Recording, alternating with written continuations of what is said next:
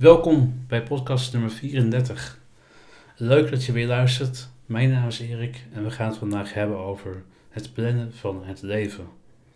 Waarom plannen wij ons leven eigenlijk? Waarom zijn we zo bezig met de toekomst elke dag? We zijn bezig met de, de vakantie in maart, we zijn bezig met vakantie in, in, in de zomer. Mensen laten zich plannen door het leven. Daarover later meer. Aan het einde van de podcast heb ik voor jou als trouwe luisteraar een mooie verrassing. Je agenda zit vol met de verjaardag, met andere dingen die je moet doen.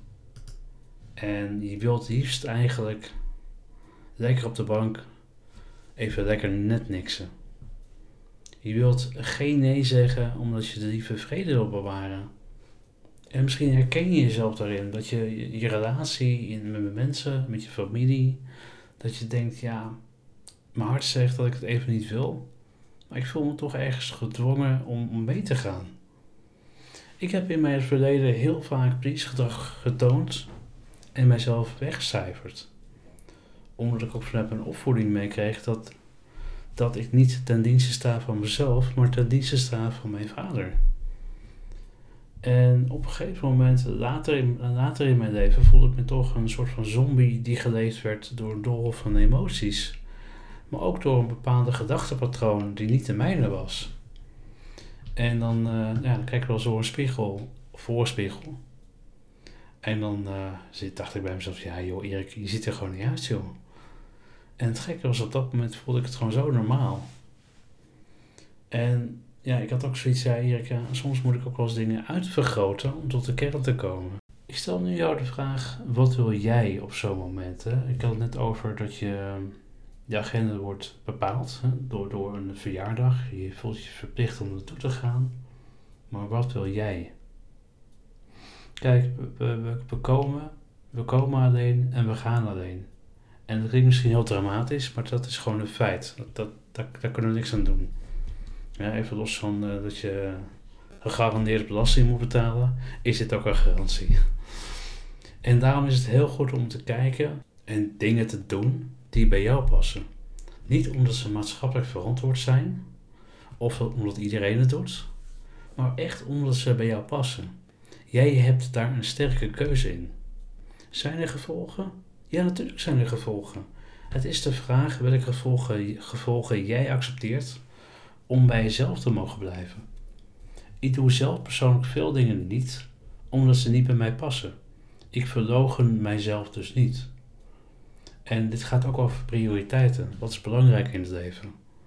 Als ik nu dingen plan voor mijzelf, kijk heel goed of het echt mijn prioriteit is. En waar nodig pas ik het gewoon, ook gewoon aan. En wat ook belangrijk is, is het wel iets wat jij, wat jij leuk vindt, wat ik leuk vind. Er kunnen nog zoveel dingen om ons heen gebeuren. Hè, sociale druk, het gevoel om niet mee te kunnen komen. Kennissen die vakantie hebben geboekt en die, waarbij je eigenlijk ook wil mee kunnen praten en het ook wil doen. Er zijn heel veel redenen om een bepaalde structuur te volgen. Maar laat me je dit vertellen: in het heden gebeurt alles.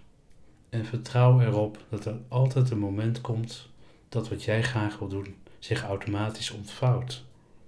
Laat ruimte voor spontaniteit.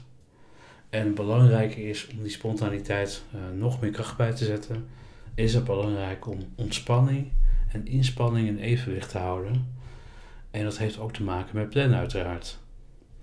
Waarschijnlijk ken je deze ook. Er wordt gewoon zo iets in je agenda neergezet, iets in je agenda gepland, waar jij geen invloed op hebt. Stel, je partner plant de verjaardag in om er naartoe te gaan in jouw agenda. En jij wilt dolgraag nee zeggen. Maar wel op een manier dat, dat, dat, dat sympathiek en dat, dat vriendelijk is. En niet hard is. En op een begripvolle manier. En, en het gaat ook over bewustwording. Van hoe, hoe kun je nou bewust worden dat je dat niet wilt? Want ik kan me heel goed voorstellen dat als je zo'n moment hebt dat je denkt van ja, ik wil eigenlijk niet. Maar het moet, want mijn partner heeft het gezegd. Dat je je dan gevangen voelt, in een bepaalde gevangenis voelt van hé, hey, maar ik, ik, ik, kom er niet uit. Ik, ik wil eigenlijk nee zeggen. Maar ik voel me zo gevangen in het feit dat ik niet nee durf te zeggen. daar kom ik even bij bewustwording. Ik heb een hele mooie online training voor, de reis naar bewustwording.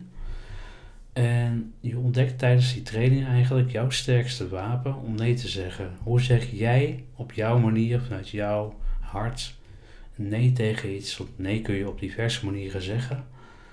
En hoe kun je op jouw voorwaarden leven? Dat is belangrijk. Om jou daarin uh, te helpen wil ik jou een uh, verrassing aanbieden. Een verrassing is uh, eh, 50% korting op de online training. Ga daarvoor naar erikvernee.nl slash podcast. En dan kun je jouw korting verzilveren. Dankjewel voor het luisteren en tot gauw.